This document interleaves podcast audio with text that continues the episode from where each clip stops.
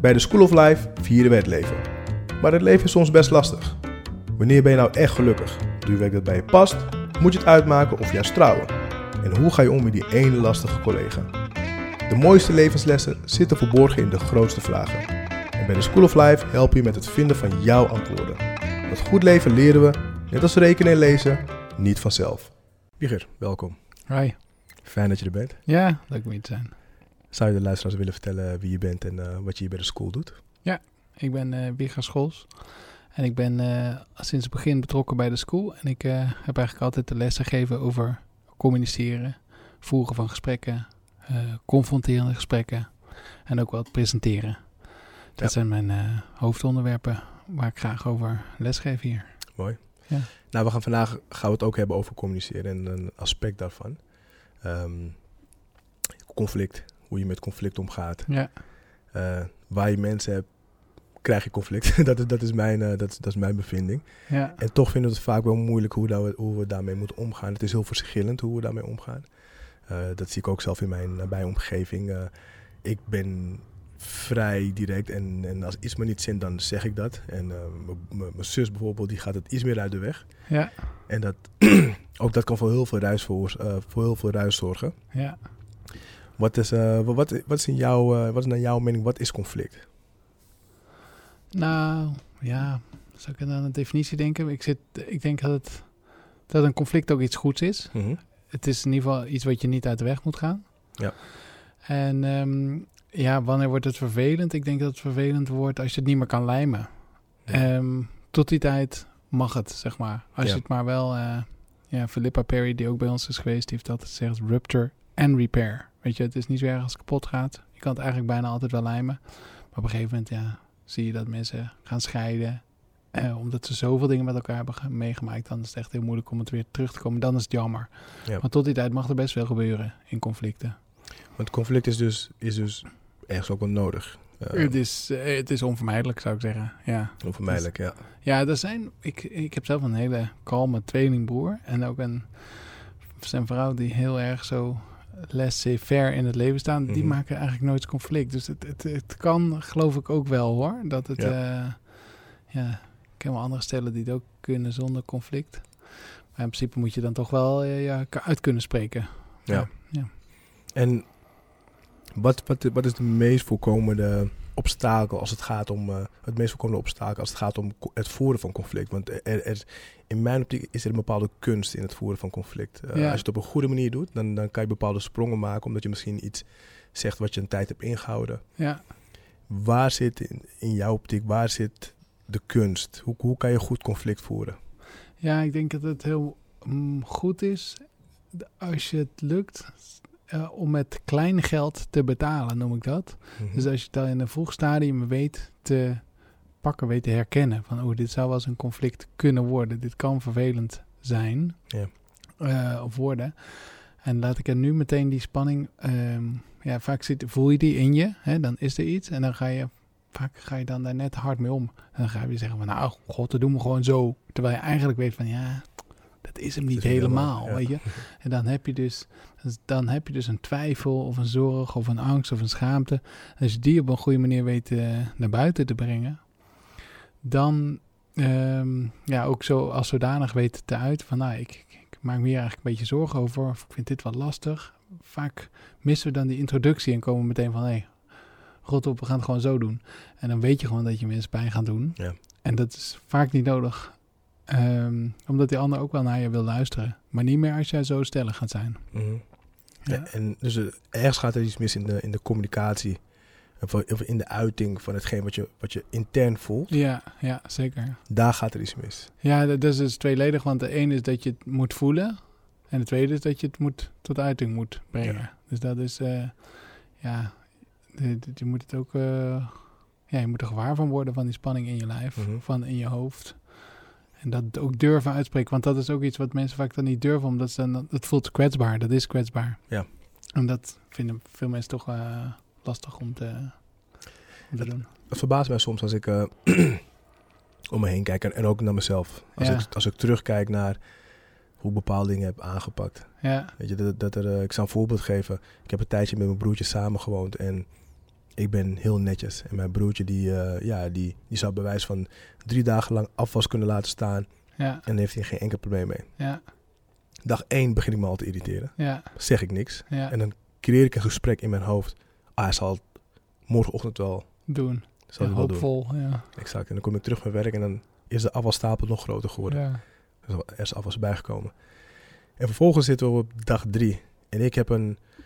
Ik, ik, ik, ik, ik ben, een, ik ben zo'n klein stukje verwijderd van, van ontploffen. Ja, En ik zie hem heel onverschillig door het huis heen lopen. Ja, En ik kan hem wel vermoorden. ja. En hij heeft geen idee wat er intern bij mij gebeurt. hij heeft geen idee wat er intern bij mij gebeurt. Maar wat er, dan, wat er toen gebeurde ook. En mijn broertje en ik zijn beste vrienden. ja. Beste vrienden. En wat er op dat moment gebeurde, het escaleerde zodanig. Dat ik zelfs bang was van als we als. Want het, eh, hij had geen idee waar het vandaan kwam. En ik was zo boos dat ik dacht van oh, we moeten nu niet in een gevecht raken. Nee, Maar dat voelde ik wel. Ik kon hem echt wat aandoen. ja. Ik heb hem nooit verteld wat er eigenlijk speelde. Nee, En, en mijn reactie, of mijn, mijn, mijn uiting toen ik hem aansprak op het feit dat er al drie dagen lang, of dat er afwas was. En ik maakte een statement door ex- expres niet af te wassen. Van nee, Ja. ik ga expres niet afwassen. ja. En hij heeft totaal niet doorgehad. En hij vond mijn reactie overdreven. En ik vond hem respectloos. En Ja, we kwamen op een hele donkere, nare plek. ja. En ja, dacht van, hoe heb ik het zo ver laten komen? Ja. Wat, wat, is, wat is het in ons waardoor we iets zo ver laten escaleren? Ja, nou, dat is natuurlijk die relatie. Hè? Je wil gewoon die relatie, je hebt hem net zo hard nodig. En zeker je eigen groep, je hurt, weet je wel. Je wil daar gewoon een onderdeel van uitmaken. Je, wil, je hebt hem nodig voor je overleving. Dus als je hem dan, als je dit soort moeilijke dingen gaat zeggen, in je hoofd moeilijke dingen, dan heb je kans dat, dat die wegloopt, dat je niet meer die relatie kan eh, herstellen. En dat Mhm. is, ja, dat, dan ga je dat, dat, dat gesprek dus uit de weg. Terwijl dit dan is eigenlijk ja, dit is eigenlijk risico voor jezelf. Want nu ben je zelf boos, zeg maar. Dus dat, Ja. ja. ja, dat is ook dan niet goed. Ja. Ja. Ja, het is. Het, is ehm, het, het was voor mij een hele wijze les. Want Om- wat heb je gedaan? Eh, je hebt, hoe heb je hem aangesproken? Ehm, ik heb hem geen vraag gesteld. Ik maakte gelijk een verwijt. Oh ja, Ik zei op een, met een bepaalde toon. Ja. Mijn, mijn hele fysiek ja, stond al op, op- Mijn houding was al zodanig. ja. Ik was op oorlogspad eigenlijk. Ik wilde hem laten voelen wat ik de afgelopen drie dagen. had gevoeld. Ja, ja, en hij zit me aan te kijken van, wat kom je doen? ja, Wat is er met jou aan de hand? ja. En hij dacht dus dat ik, eh, eh, dat, dat ik met iets anders zat en het op hem, op hem projecteerde. Dus hij voelde zich onterecht, ja, en eh, Bejegend, het is ook onterecht ja. aangevallen. ja, Ik zei van, eh hey, luister, als jij hier woont, ja, dan moet je een beetje aanpassen. ja, Je kan niet drie, da- drie dagen lang afwas laten staan. Ja. En, ik ging en hij zat ook nog op de bank en ik stond. Ja, En ik ben ook nog de oudere broer. ja. Heel en ik ging ook met mijn vinger een beetje wijzen in zijn Ja. gezicht. dus hij zit me echt aan te kijken van, "W- wat ben je allemaal aan het doen? Ja. Toen het escaleerde. en ja, achteraf had ik zoveel spijt. Ik dacht van, je, je, had- je, je hebt een bosbrand ge- gecreëerd, terwijl Ja. je gewoon een kampvuurtje had kunnen blussen. Ja, inderdaad. Ja, dat is mooi, ja. Maar ja. ik, ik kon...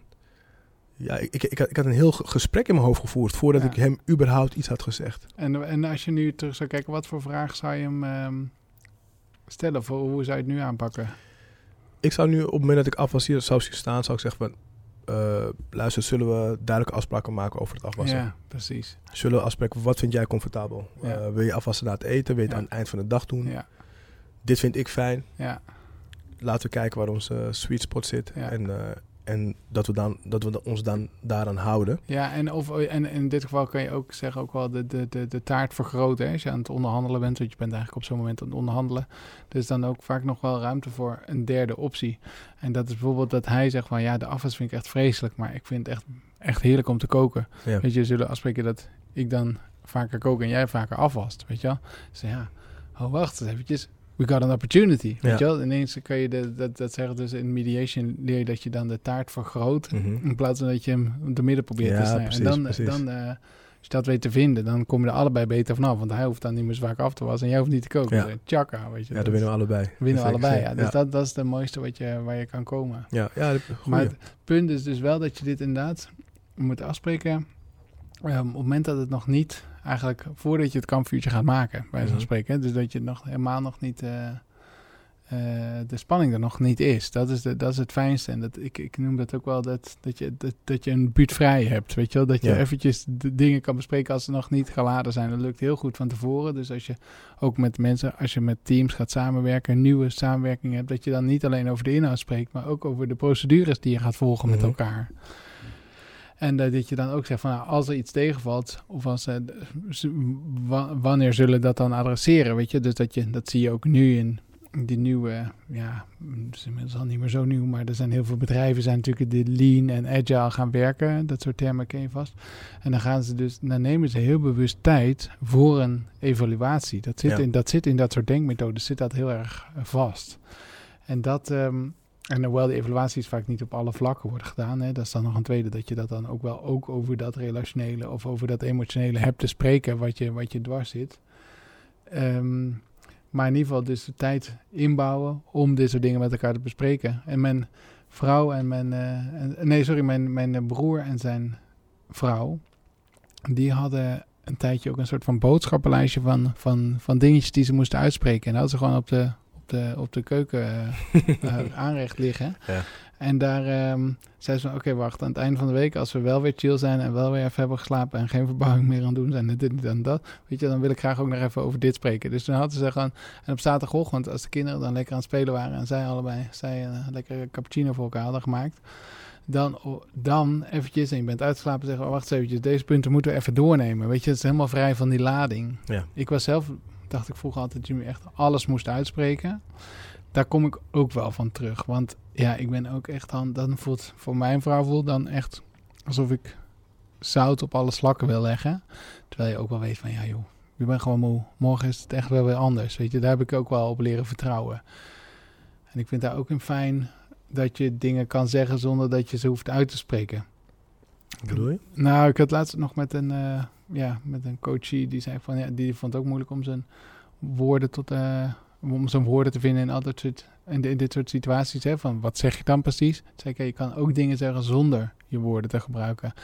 Ehm, door ehm, bijvoorbeeld een avondje uit te regelen voor, Ja. voor haar. Of iets leuks te doen met het team. Eh, weet je, dus je kan, dat noem ik dan spreken via de subtekst. Je hoeft het niet zo letterlijk te maken. Hmm. Het is niet voor niks dat ze zeggen... eh, een bosje bloemen zegt meer dan duizend woorden, weet je wel. Het is gewoon... Het, het is gewoon... En een bos bloemen is niet altijd... eh, nou, voor je, voor je in, de, in de romantische relatie vaak wel. eh, maar ja, dat kan ook door... hij, hij zei van... Nou, hij is gaan, gaan koken, terwijl hij een hekel had aan koken. Maar zijn vrouw wilde graag koken. Ik wilde graag dat hij kookt. En hij zei altijd, ja, nee, ik hou niet van koken. Maar nu, nu had hij bedacht, ja, weet je wat, ik moet gewoon een kookboek kopen en ik moet gewoon gaan koken. Ja. Ja. En zijn vrouw blij, jongen. Weet je, hoeft er niks te zeggen. Ja, dat bouw je wel.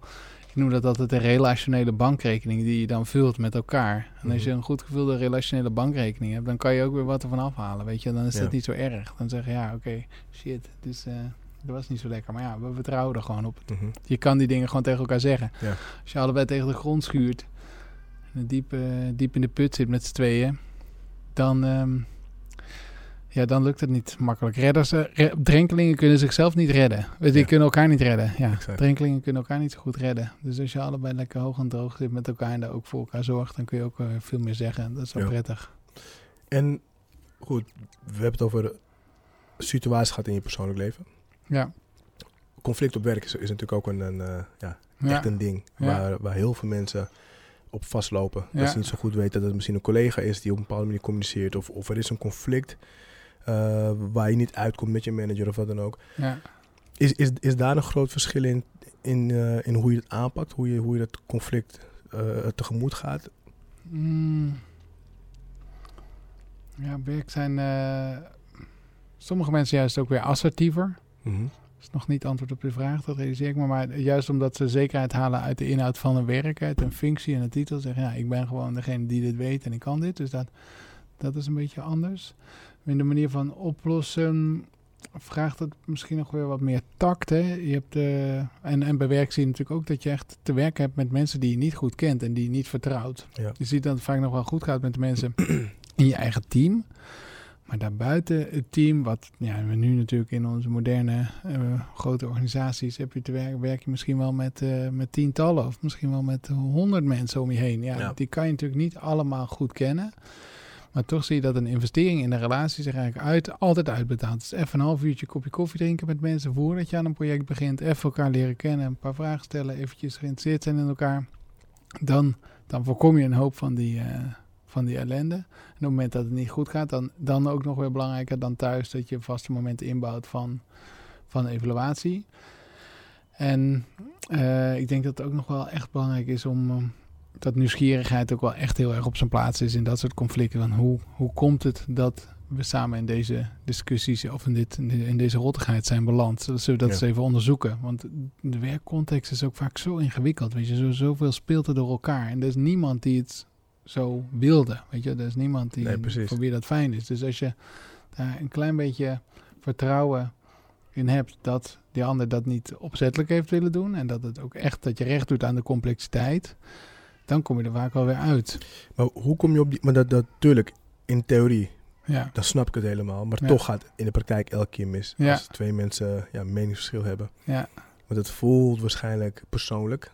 Het, Ja. eh, je kan je niet voorstellen dat de ander dat heeft gedaan zonder verkeerde intenties. Ja. Althans, zo voelt het misschien. ja, Dus hoe kan ik, als, als ik ergens mee zit op mijn werk... en ehm, hoe kan ik ervoor zorgen dat ik een, een vruchtbaar gesprek aanga met mijn collega? Hoe? Ja, met je collega, ja.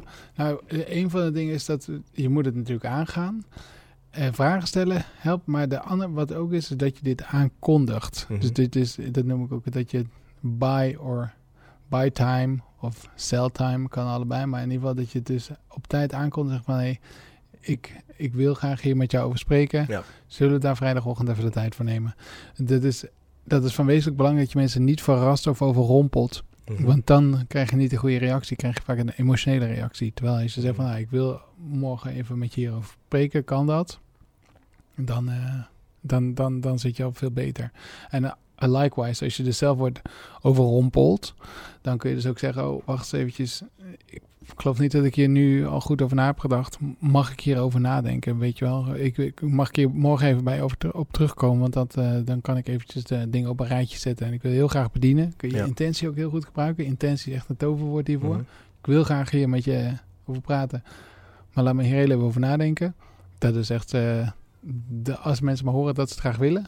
dat je Ja. het graag wil, dan kom je ook een heel eind weer. En, en dat laatste wat je dus zei, dat, dat zet je dus in op het moment dat je wordt aangesproken. Ja, En dan kan je dus en dat je het niet verwacht. en dat je niet verwacht. Dus Ja. je, creëert dan een ruimte voor jezelf om goed na te denken Ja, over hetgeen wat je wilt zeggen, over wat er gebeurd is, ja, hetgeen wat je wilt zeggen. Ja. Heeft het, ehm, heeft het dus ook te maken, want ik denk dat als ik me, ik heb wel eens gehad dat ik ben aangesproken op iets en dat je emotioneel reageert. ja, En dat je dan achteraf denkt van, ah, shit, ja. Had ik helemaal niet willen zeggen. Moeten of doen, ja. ja. Dat had ik niet moeten doen. Ja. Dus je creëert iets meer ruimte voor jezelf om eh, de emoties te laten landen. Ja, Om goed na te denken over, eh, over hetgeen wat je wilt zeggen. ja, zeker. Ja. Dat, is, dat is echt... eh, dat- juist door het aan te kondigen ga je de emotie eruit. Ja, En, en, en wa- wat, wat ik complex vind, is ehm, zeker toen ik jonger was, als ik een conflict met mijn manager had, maar mijn manager was daar niet bewust van. ja, Dus je hebt nu, nu te maken met een, eh, met een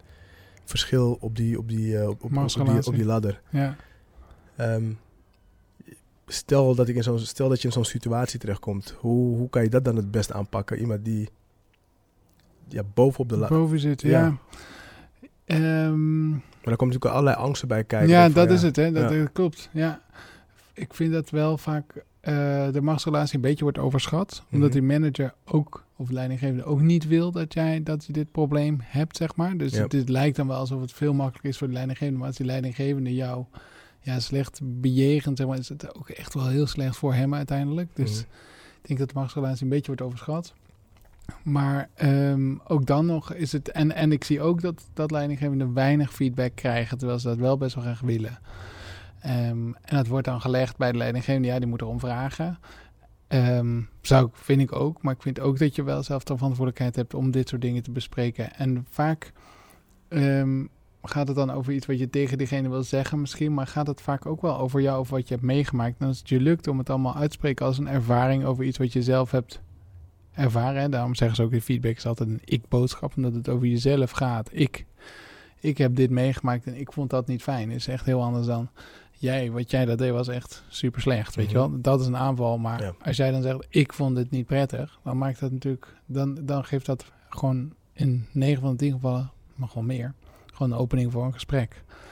Omdat je het heel dicht bij jezelf houdt. Ja, ja, dat, Ja. precies. Je vertelt gewoon wat je hebt meegemaakt. En vaak is dat ontzettend is dat krachtiger dan dat je, te- dat je begint met de mening. Of in een slecht geval is dat dan een verwijt. En Mhm. ja, is vaak ook niet zo echt op zijn plaats. Want ook die leidinggevende heeft natuurlijk wel zijn best gedaan. Heeft misschien iets over het hoofd gezien, maar die wil dat natuurlijk ook niet. Dus Ja. als, je, als je lukt om constructief en positief in de wedstrijd te blijven zitten, ben ik ervan overtuigd dat je ook de snelste stappen maakt, zeg maar, als je het snelste eruit komt. Maar als je op een gegeven moment dat je het gaat wantrouwen en gaat zeggen, ja, die is slecht of die doet het niet goed of weet ik wat, daar win je over het algemeen echt heel erg weinig mee. Ja. Totdat je echt zeker weet dat je dit 100% goed zit. En dan zit vaak iemand niet lekker op zijn plek. En zelfs dat vraagt dan nog om liefde, want het is niet fijn om niet lekker op je Nee. plek te zitten. Als je slecht bent in je werk, dan is dat voor jezelf ook niet fijn. Dus dan nog hebben we een liefdevolle aanpak nodig, waarbij je met waarbij je fijn uit elkaar gaat. Weet je, ontslagen worden is gewoon, je wordt uit de groep gezet. Uit de groep gezet, dat is traumatische ervaring. En die willen we eigenlijk niemand aandoen. Dus eh, terwijl als je het dan doet, dus om het open gesprek te houden en samen tot de conclusie komen, het is jammer en we gaan voor je zorgen, maar laten we dit eh, niet zo doorzetten, dan is uiteindelijk iedereen blij. Ja. Ja, wel tough, maar wel goed. Mhm. Ja. He- Heb, je, heb je zelf eh, in, je, in je loopbaan situaties gehad wa- wa- waar je nu op terugdenkt en denkt van, oh, dat was moeilijk. Dat zou Nou, ik nu heel anders hebben aangepakt. Ik had één situatie niet zo heel erg conflict maar, eh, gericht, maar wel conflictmijdend, denk ik. ik weet het niet Mhm. precies, maar ik heb hem eigenlijk nog steeds over verbaasd. Maar in 2009, toen we- overleed mijn eh, vader. Die was drie jaar daarvoor al ziek. En in die tijd heb ik, werkte ik bij een, eh, bij een bureau van een man of 25. En ik koos er in, toen hij ziek was heel bewust voor om daar niet over te praten. En ik moet ik zeggen dat ik nog steeds niet goed heb doorgrond waarom ik dat deed. Mhm. Want als ik er nu naar kijk, ben nu echt natuurlijk ook als ja, specialist op het onderwerp, denk ik echt dan, hoe is het mogelijk dat ik toen dat zo voor koos om daar zo ontwijkend in te zijn. En mijn telefoon brandde in die dagen altijd in mijn zak. Van als ik een kreeg weer een, een, een sms'je over de, de score, de allemaal bloedwaarden van mijn vader, of het beter ging of niet. En of de chemo was aangeslagen. Zo. Ik kon echt nergens aan den- anders aan denken. Eigenlijk de hele dag zat ik gewoon gestrest daar op dat kantoor. En nu denk ik van jeetje, had ik ze toch gewoon daarin meegenomen. Ik zat er wel pas net hoor. En ik zat ook niet zo lekker op mijn plek daar. Dus dat, dat hielp ook niet. Het was mijn eerste baan. Dat, dat helpt natuurlijk ook allemaal Ja. niet.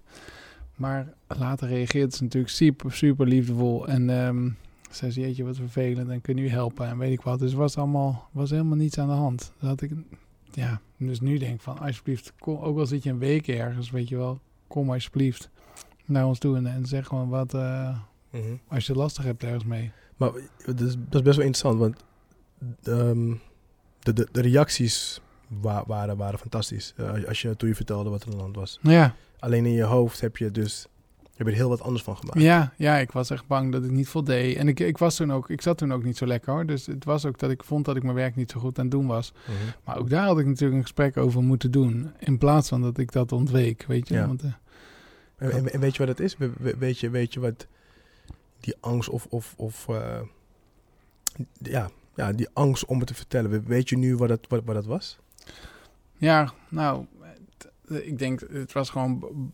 Het was gewoon angst om te erkennen wat er niet goed ging. Zeg maar, Ja. het was, ik probeerde gewoon het in de lucht te houden alsof het wel goed ging. Zeg, terwijl ik dat helemaal niet voelde. Dus Ja. de erkenning van wat er is, hè, dat is ook natuurlijk zo'n zo'n soort van gedragen coachterm. Hè? Het er laten zijn, je mag er zijn, het is Mhm. oké, weet je wel. Dan word je natuurlijk een beetje allemaal hele weeë termen. Maar het is uiteindelijk wel, als je het uitspreekt waar, wat je doormaakt. Ja, nou, ik vind op zich ook dat een leidinggevende daar zeker in de eerste weken wel ruimte voor mag maken. En dat hij daar vertrouwen voor schept. Dat je, het, ja, dat je gewoon uitspreekt wat je, wat je doormaakt. Dat, dat, je, dat je daar ruimte voor creëert. Ja. Deze misschien wel weinig. Ehm, maar ja, ik liet ook niet zien dat ik het nodig had. Maar ja, dus het er laten zijn. Ja. dat, is, dat is een belangrijk element. Ja, ja. Het, we, we noemen het ook wel boven. We zeggen ook wel. eh, mijn soort werk zeggen we ook vaak. We halen de onderstroom boven water. We kijken wat er in je onder, je, onder water gebeurt. Tussen mensen, in mensen.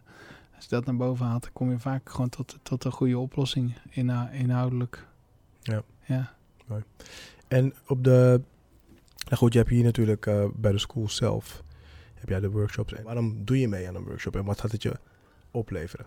Ja, nee, eh, goed. Dus ehm, de workshops bestaan ruwweg eigenlijk altijd uit twee onderdelen.